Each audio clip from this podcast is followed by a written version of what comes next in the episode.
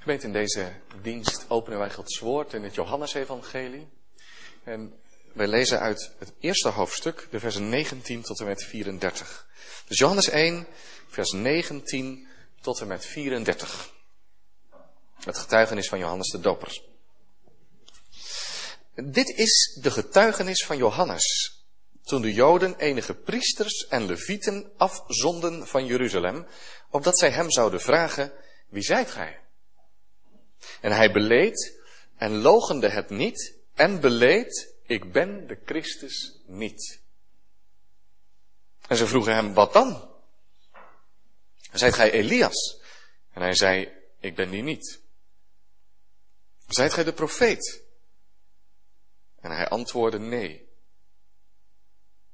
Zij zeiden dan tot hem, wie zijt gij? Opdat wij antwoord geven mogen aan degene die ons gezonden hebben. Wat zegt u van uzelf? En hij zei, ik ben de stem van de roepende in de woestijn. Maak de weg van de Heere recht, gelijk Jezaja, de profeet, gesproken heeft. En de afgezondenen waren uit de fariseeën. En zij vroegen hem en spraken tot hem, waarom doopt u dan, zo gij de Christus niet zijt, noch Elia, noch de profeet?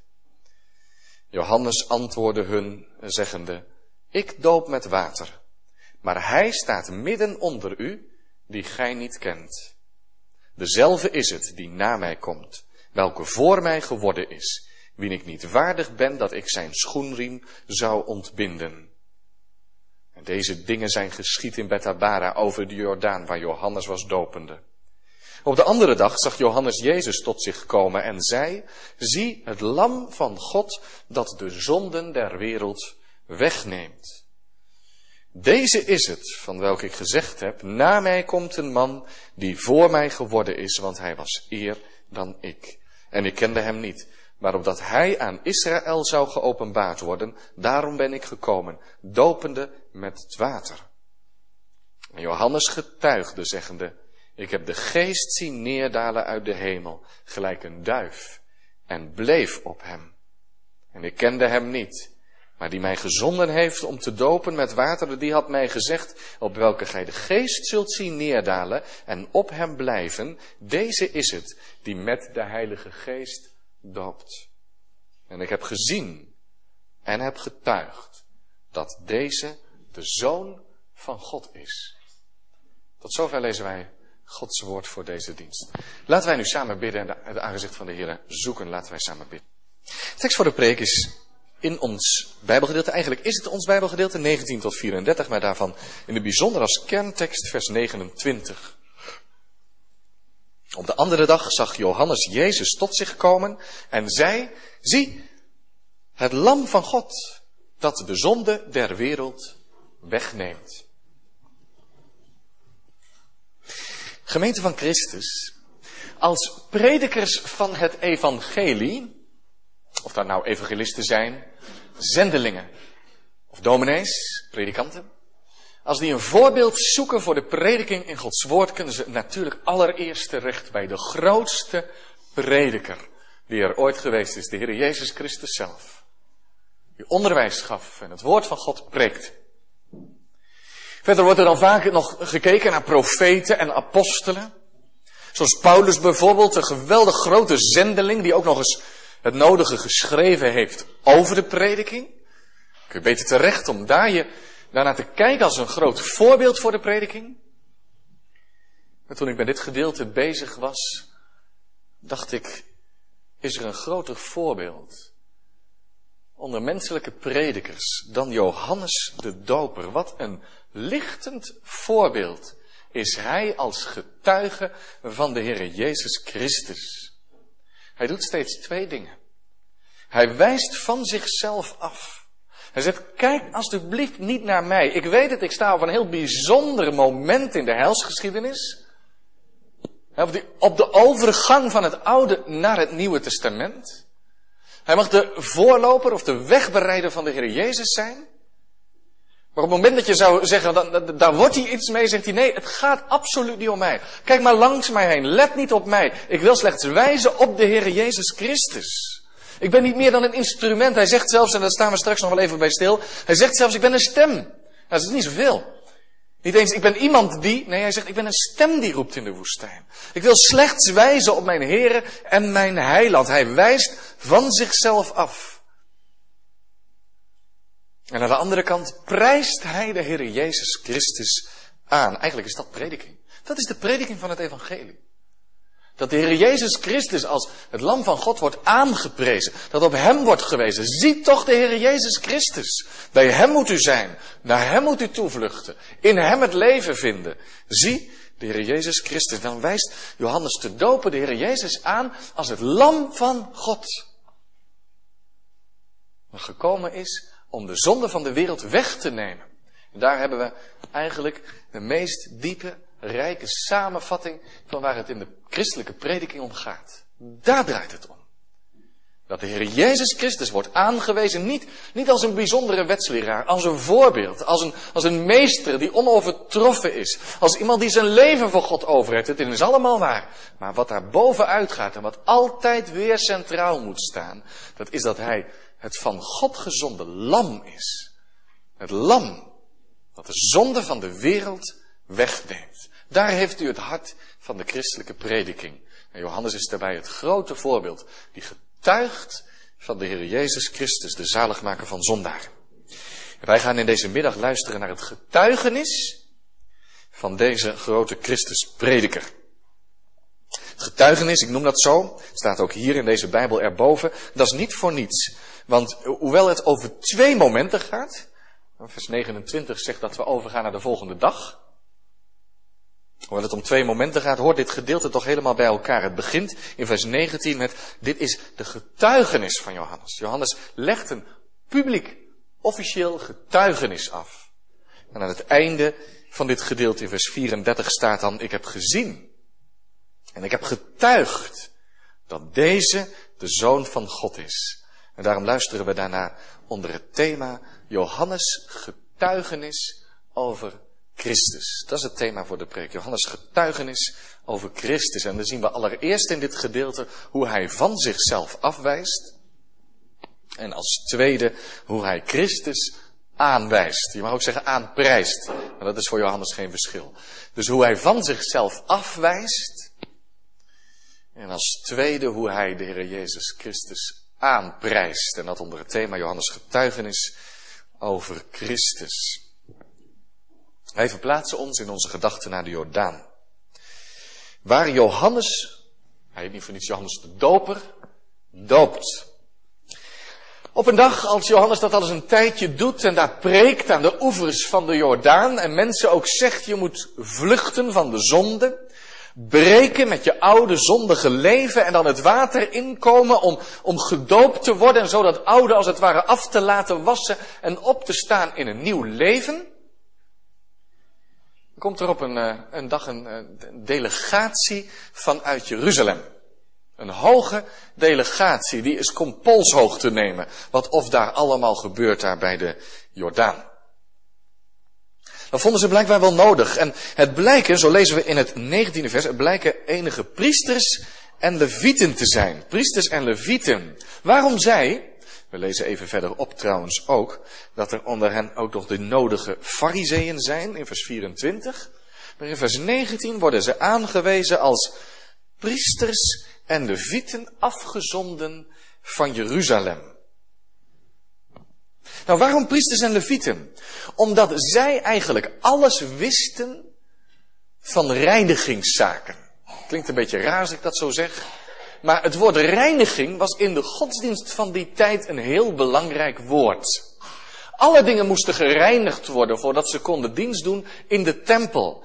De instrumenten die, die gebruikt werden voor de offerdiensten moesten gereinigd worden.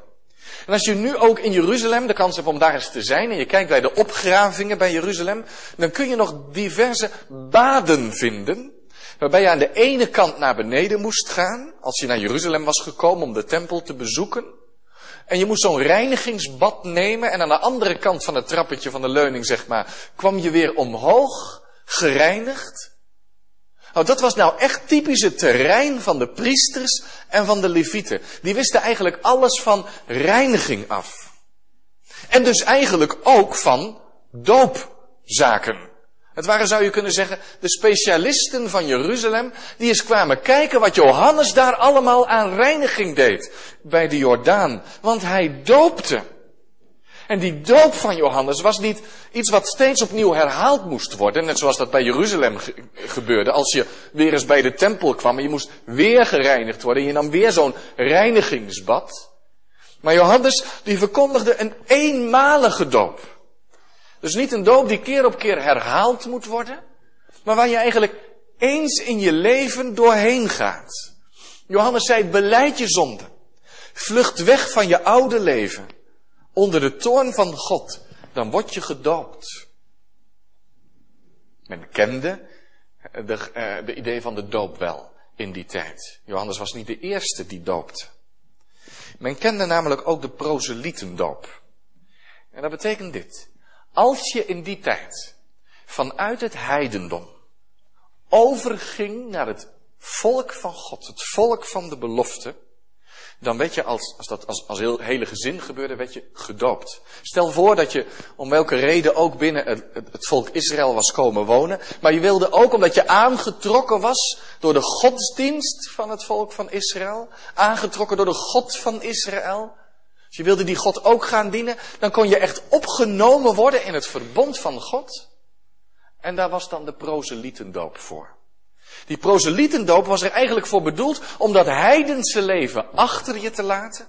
Dat was nu voor goed voorbij en dat betekende dat je vanaf dat moment echt hoorde bij het volk van God en bij zijn verbond. Als je dus over de doop had, dan moest een heiden die er buiten stond, dus door de doop ingelijfd worden in dat volk van God. Moet eens even tot je door laten dringen. Wat het dan voor schokeffect heeft, als Johannes de doper op een zeker moment bij de Jordaan komt en die gaat daar mensen dopen. Niet heidenen die tot het volk van Israël overgingen, maar mensen die bij het Joodse volk zelf behoorden. Dat is schokkend. Hij zegt daarmee eigenlijk, jullie kunnen nog tien keer kinderen van Abraham zijn, maar, maar jullie staan er eigenlijk net zo buiten als al die heidenen. We zijn ook als volk van God helemaal niet klaar om de Messias te ontvangen, om Hem te ontmoeten. Wat eerst nodig is, is dat ook degenen die horen bij het volk van God zich bekeren van hun zonde. Dat hun zonden afgewassen worden. Daar wijst het water van de doop op. Dat ze opstaan in een nieuw leven en zo hun koning tegemoet gaan. Dus het is eigenlijk niet zo vreemd dat toen ze daar in Jeruzalem van hoorden, dat ze gedacht hebben, wat is dit? Is daar iemand die, die niet alleen maar iets aan reiniging doet, maar, maar die doopt? Een eenmalige doop tot vergeving van zonde? Een doop van bekering? Daar moeten we direct iets van weten. Wie, is dat dan die dat doet? Waar geeft hij zichzelf voor uit? Wie is hij wel dat hij gaat dopen? Want zijn doop heeft messiaanse trekken. En daarmee bedoel ik dat, dat, dat die doop eigenlijk vertelt, dit is het moment waarop God zijn volk bezoekt. Het is eigenlijk de doop van de eindtijd. Je kunt volgens Johannes het oordeel van de Heere ontvluchten door je zonde te beleiden en neer te dalen in het water van de doop. Nou, daar moeten ze meer van weten. Wie is hij wel? Denkt hij soms dat hij de Messias is, de Christus? Of iemand anders die in de eindtijd zou komen om bijzondere dingen te doen voor God? En daarom volgt, en daar begint vers 19 over, een soort verhoor. Het wordt heel plechtig gezegd, dit is de getuigenis van Johannes. Ze zijn afgezonden, een officiële delegatie, onderzoekscommissie van Jeruzalem. En die komt bij hem en zegt, wij willen u een paar vragen stellen. En de eerste vraag die ze stellen is, wie bent u? Dus nou, inmiddels kunnen we dat een klein beetje begrijpen. Ze zeggen niet, waarom doopt u? Ze zeggen direct, wie bent u? Voor wie geeft u zich uit? Dat u dit doet, die eenmalige doop. En dan staat er heel plechtig in vers 20, hij beleed en logende het niet. Dus hij draait er niet omheen. Hij zegt het klip en klaar. Er staat nog eens heel plechtig achteraan, nog een keer. En beleed kwam er openlijk vooruit. Ik ben de Christus niet. Ik kan u rustig zeggen, als u denkt dat ik dit doe omdat ik de Christus ben, absoluut niet waar. Eigenlijk staat er zelfs, daar kun je een streepje onder zeggen, onder dat woordje ik. Dat staat in de grondtaal ook vooraan. daarmee zegt hij tegelijk, ik ben het niet, maar wacht even en ik ga u vertellen over wie het wel is. Want het is heel goed dat u een onderzoekscommissie hebt gestuurd, maar u moet niet bij mij zijn. Ik ben slechts de wegbereider, daar kom ik zo wel op. Ik ben de Christus niet. Maar we begrijpen wel dat ze zich zomaar niet laten wegsturen en teruggaan naar Jeruzalem. Want hij doopt toch niet voor niets en daarom vragen ze door. Maar wat dan? Oh, oh, geeft u zich dan uit voor Elia dat u mensen doopt? Elia, waarvan Malachi 4 zegt dat in het laatste van de dagen eerst Elia nog zou komen. Als een soort aankondiger van Gods grote helstijd. Elia dan misschien? En hij zei, ik ben die niet. Wij weten wel dat de Heer Jezus later heeft gezegd, als u het wil geloven, hij is de Elia. Maar Johannes zelf wil dat niet zeggen. Hij zegt, dan zou je van mij iets bijzonders verwachten. Ik ben niet meer, niet meer als iemand die slechts de weg klaarmaakt.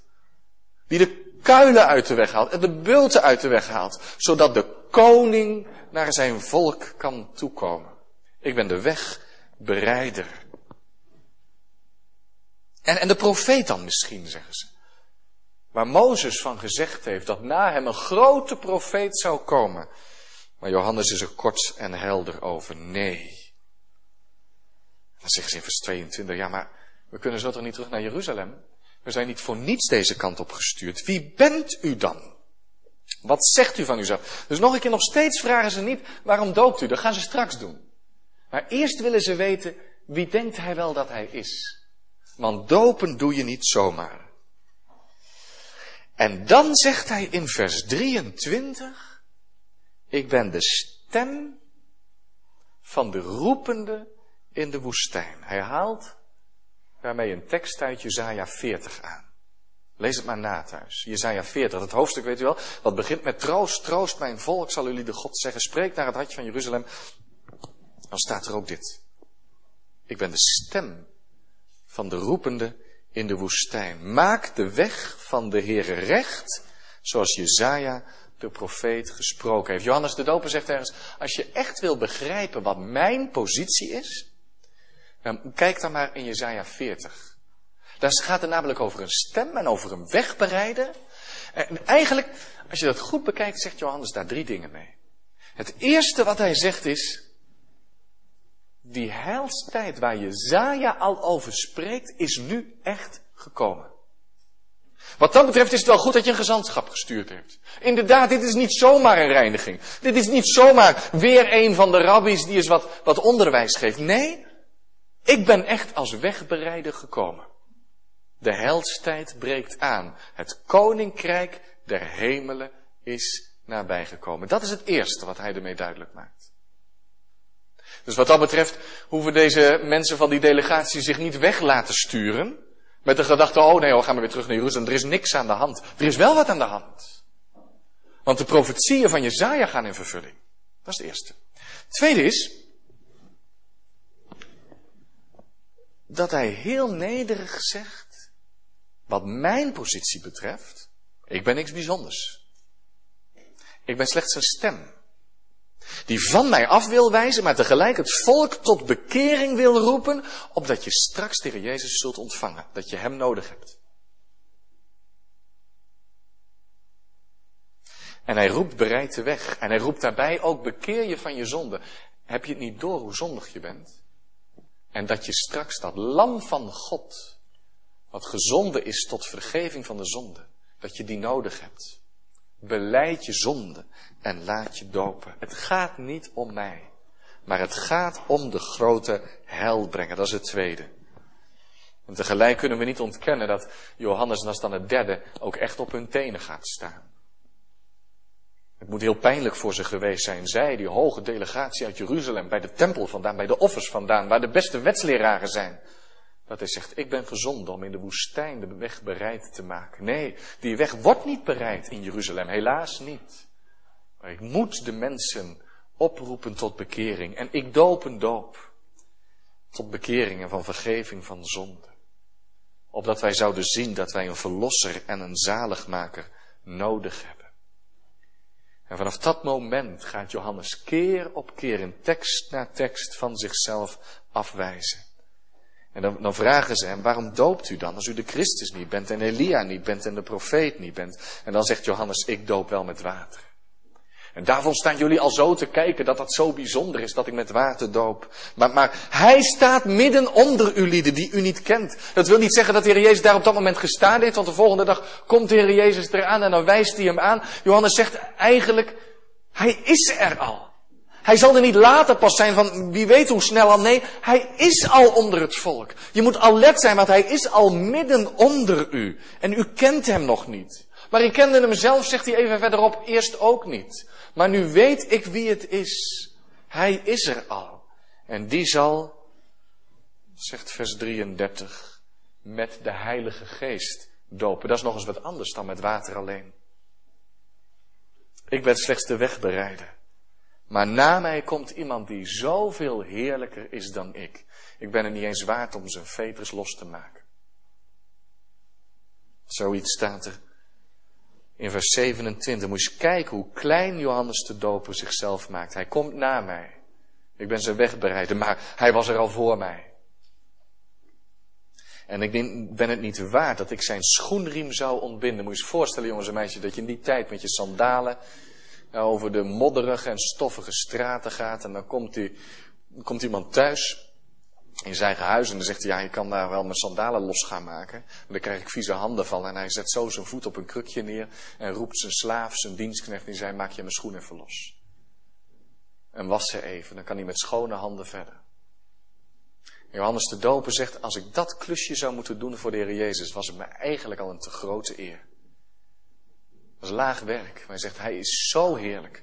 Zo groot. Ik wil hem zo graag verheerlijken. Maar ik val zelf helemaal in het niet bij deze grote Christus. Bij hem moet je zijn. Ik wil wijzen op hem.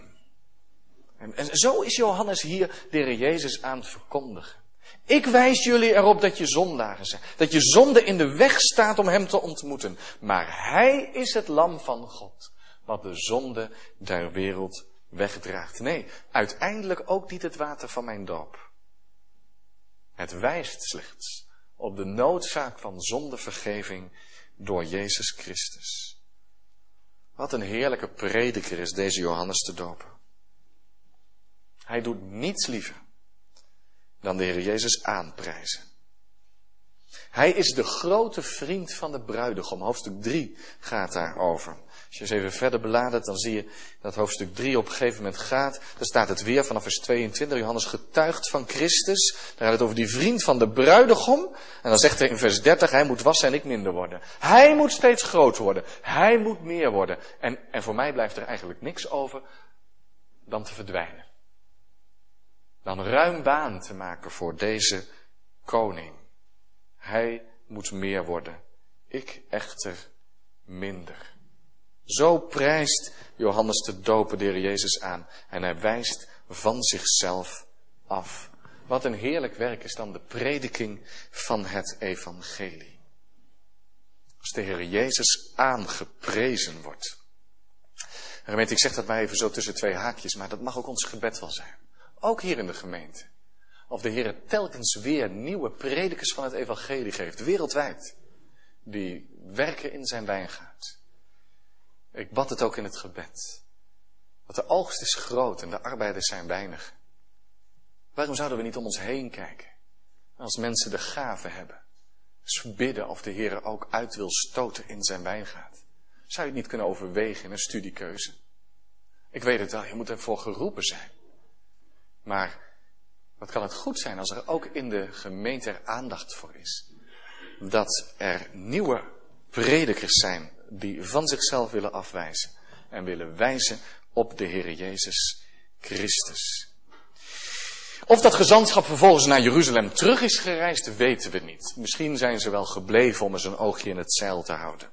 Dan hebben ze meegemaakt wat er op de volgende dag gebeurt. En dan zijn we bij vers 29. Op de andere dag Ik wijs er maar even op, u kunt dat volgen in de eerste twee hoofdstukken. Dat Johannes vanaf vers 19 de eerste week beschrijft van het optreden van de Heer Jezus. Hij begint vers 19 te vertellen. In vers 19 op de andere dag. En in vers 35 zegt hij weer op de andere dag. En dat komt dan nog een keer voor. Tussendoor. Uh, in vers 44. En dan bij het begin van hoofdstuk 2 staat er. En op de derde dag vanaf dat moment. Dan heb je precies een week. Johannes vertelt ons over de eerste week van het optreden van de Heer Jezus. Een volle week. Nou, nu dag 2.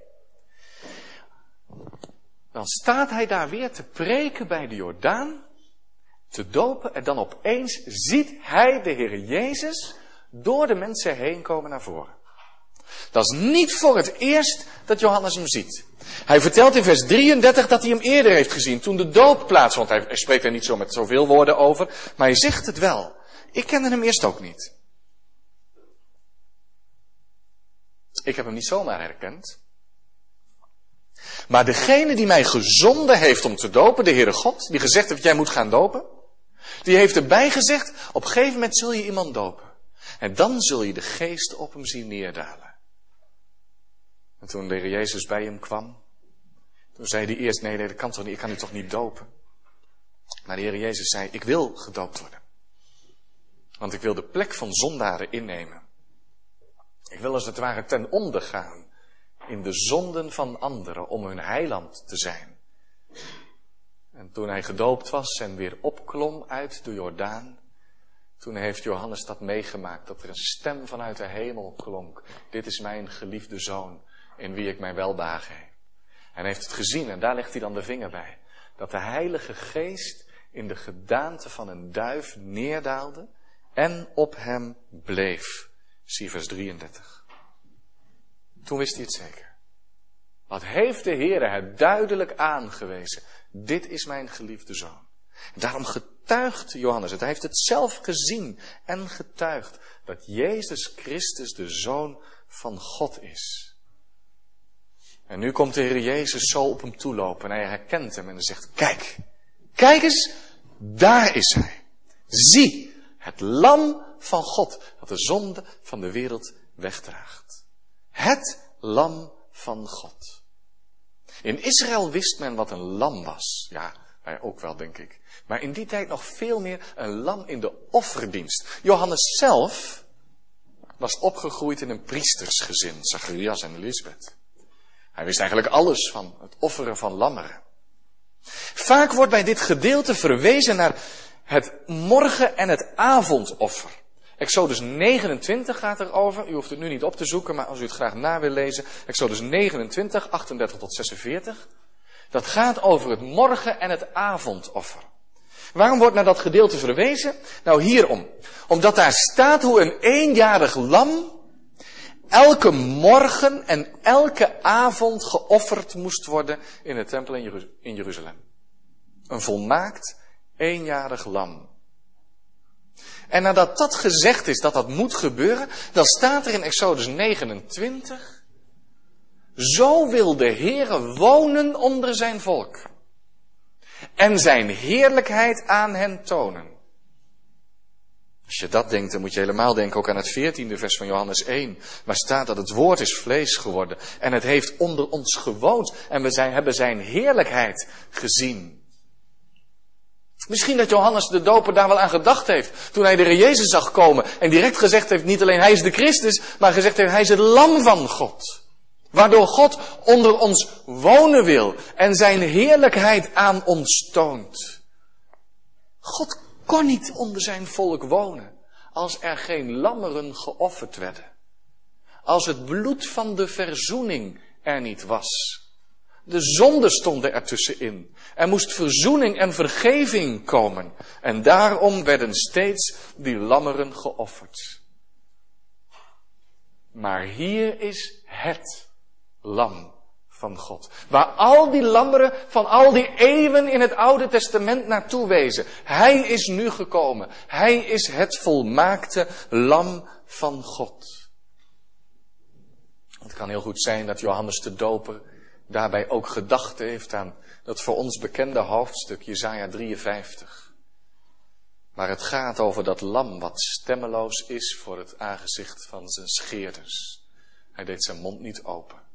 Dat lam wat niet om eigen zonde, maar om de zonde van anderen gestraft is. Hij heeft onze ongerechtigheden op hem doen aanlopen. Nu zegt Johannes, dat is hem. Hij is het lam van God, wat gekomen is om de zonde der wereld weg te nemen. Ik wil ook graag een streep zetten op dat andere van dat zinnetje. Hij is het lam van God. Gegeven door God. Zoals zo vaak in die offerdienst met dat morgen- en het avondoffer de Israëlieten, als het ware met hun lam, naar de Heren toe gingen en zeiden, Heren, hier hebben we weer ons lam. U, wilt in ons midden wonen en u wilt uw heerlijkheid laten zien. Dat kan alleen als we elke dag twee keer met ons lam naar u toe komen. Heren, hier is ons lam. Wilt u het aanvaarden? Wilt u het aannemen? Is het goed zo, dit lam wat we u aanbieden? Maar hier komt de Heer vanuit de hemel en zegt er, nou kom ik met mijn lam. En ik kom naar mijn volk en naar deze wereld toe. En zegt, hier is mijn lam. Het lam van God. Dat de zonde der wereld wegdraagt. Hier, wilt u dat aanvaarden? Wilt u het aannemen? Want zoveel hem aangenomen hebben, heeft hij macht, bevoegdheid gegeven, kind van God te worden. God komt zelf met een lam. Het is niet een lam wat het volk meeneemt. Maar God geeft het opdat een ieder die in hem gelooft niet verloren gaat, maar het eeuwige leven heeft. Hier is mijn lam. Johannes wijst op hem. Zie eens, hier is God aan het werk. God geeft zijn zoon als een lam dat geofferd zal gaan worden. Het doet ook denken aan Genesis 22. Jongens en meisjes, jullie kennen misschien die geschiedenis wel. Van Abraham. Die de opdracht krijgt, die heel moeilijke opdracht om zijn zoon te gaan offeren. Isaac. Dan gaan ze naar de berg Moria. En dan uh, klimmen ze zo die berg op en dan hebben ze het hout bij zich. En op een gegeven moment zegt Isaac, ja, we gingen offeren, maar waar is dat offerdier dan? Dat, dat is toch het belangrijkste, dat ontbreekt. En dan zegt Abraham die, die meer dan gevleugelde woorden, waar het volle evangelie in zit. En dan zegt hij, God zal zichzelf een lam ten brandoffer voorzien. En dan lopen ze verder. God zal zichzelf een lam ten brandoffer voorzien. als ze dan boven zijn gekomen, het altaar is gereed gemaakt, dan blijkt dat lam er niet te zijn. En dan is daar die, die je zou kunnen zeggen, haast blinde gehoorzaamheid van Abraham, dat hij zijn zoon daar op het altaar legt. En Isaac laat zich binden. En als hij het mes omhoog heft, en dan toch maar God gehoorzamen wil, dan roept de Heer hem door zijn engel een halt toe en zegt, oh, stop. Doe hem geen kwaad. Dan blijkt er een ram in de struiken te zijn. En dan mag de zoon van Abraham vrij uit. Ah, wat een heerlijke heenwijzing naar dat moment dat er een zoon van God is die niet vrij uitgaat. En dat God dus een lam ten brandoffer voorziet. Zie het lam van God. Aangekondigd in Genesis 22. Een lam wat God zelf geeft. Tot volkomen verzoening van al onze zonden. Nu is die tijd aangebroken, zegt Johannes. Wat een machtig wonder. Daar is hij die door God gegeven wordt, het lam. En God zelf zegt in die prediking van Johannes, hier is mijn lam, mijn zoon, en ik geef hem weg, opdat wie in hem gelooft eeuwig leven zal ontvangen en niet verloren zal gaan. Hier is mijn lam, in wie ik mijn heerlijkheid en mijn genade toon. Hier is mijn zoon, mijn lam, door wie ik onder het volk wonen wil, mijn volk en zelfs de wereld. En dan wijst Johannes de Doper op het werk wat de Heer Jezus komt doen. Zie het lam van God. Dat de zonde van de wereld wegneemt. Hij draagt die zonde weg. Zonde. Johannes de Doper is een boeteprediker. ook een evangelie prediken, ja, maar hij wijst allereerst de zonde aan. Hij zegt, bekeer je. Er zijn de tollenaren die zeggen, bekeren? Hoe, hoe moet ik dat doen? En dan zegt Johannes heel eenvoudig, je moet niks meer vragen dan je mag vragen.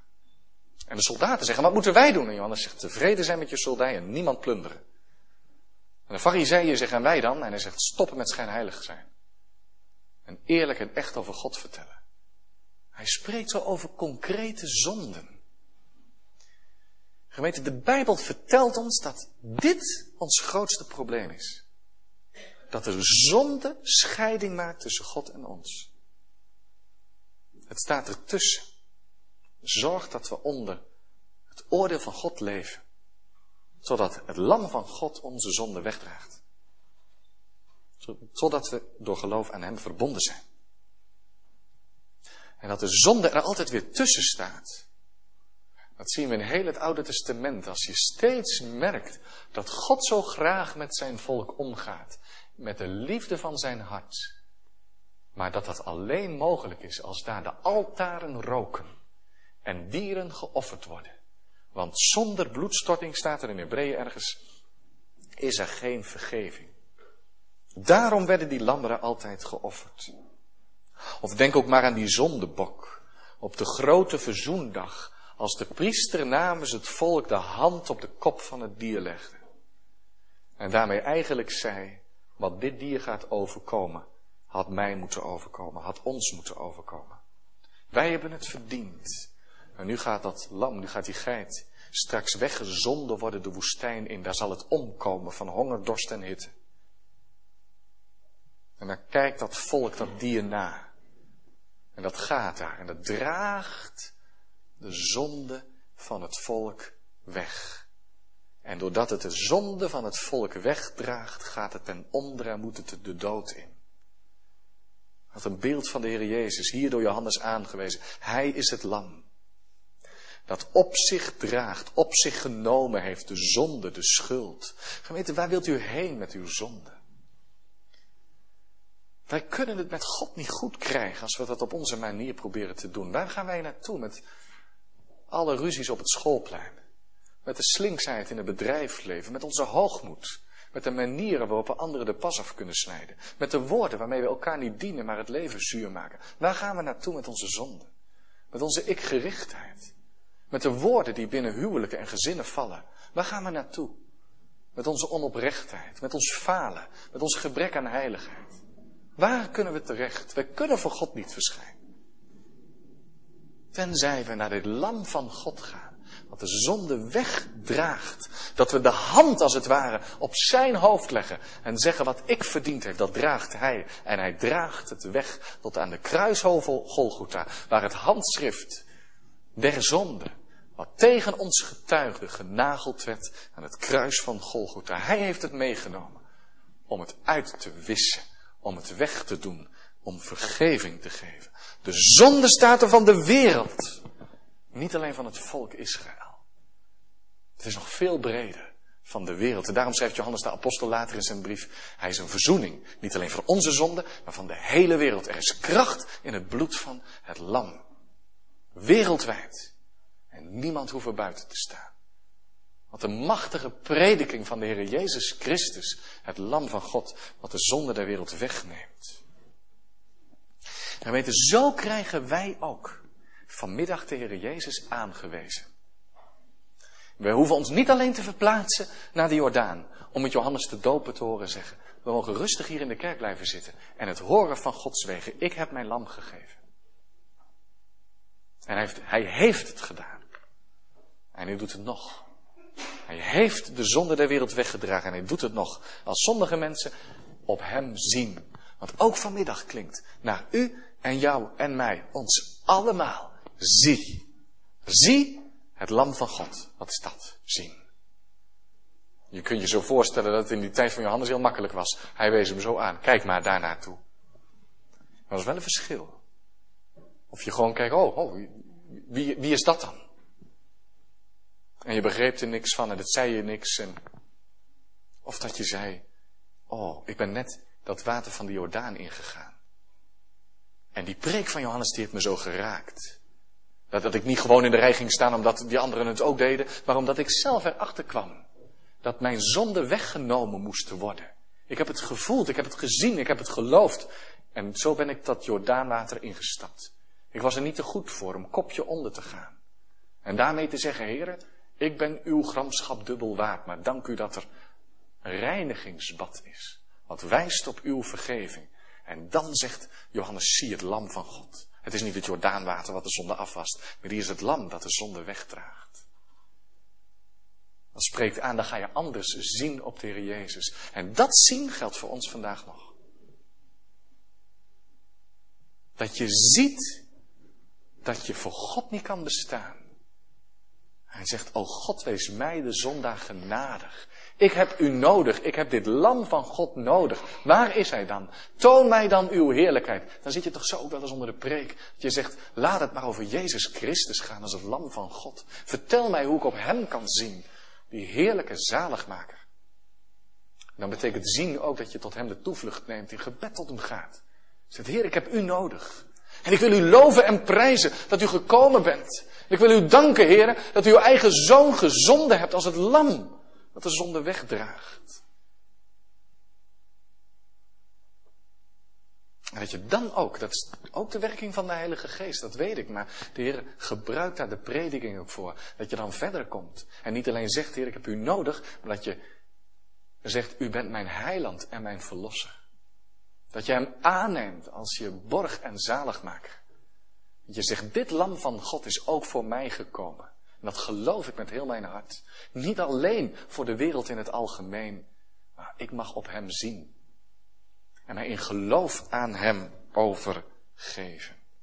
En dan mag ik al die zonden, en ik noemde er net maar zo een paar om het even concreet te maken, maar met al mijn falen, met al mijn zonden, met al die zondige gedachten die maar opborrelen in het diepst van ons hart, mag ik naar Hem toe gaan. Want Hij draagt ze allemaal weg.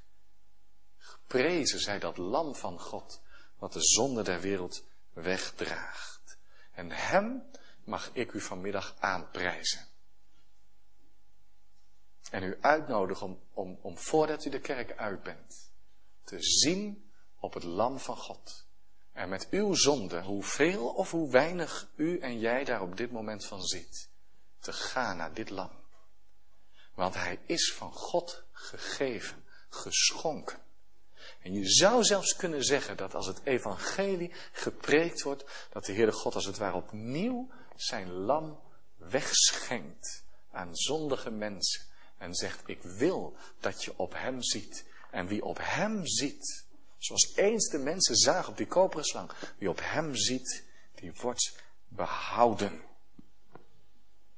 Daarom mag u vanmiddag ook niet maar nadenken over een preek, over een prediker, over de gemeente en het kerkgebouw waar je geweest bent. Maar moet het gaan om de Heer Jezus Christus als het lam dat door God gegeven is. En dat we Hem te voet vallen. Buigen voor Hem.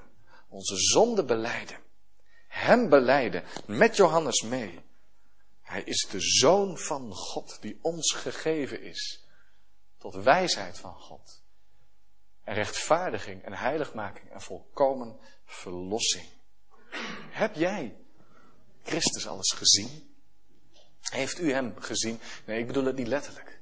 En toch op hem gezien met ogen van het geloof. Dat je alles vindt wat je nodig hebt in de Heer Jezus Christus. Volkomen verzoening en vrede met God. Of u het voelt of niet. Ik weet het zeker, u heeft hem nodig. U heeft hem zeer nodig tot vergeving van uw zonde. En hij is er. En hij wordt u verkondigd. En wie hem vindt, die vindt het leven. Amen.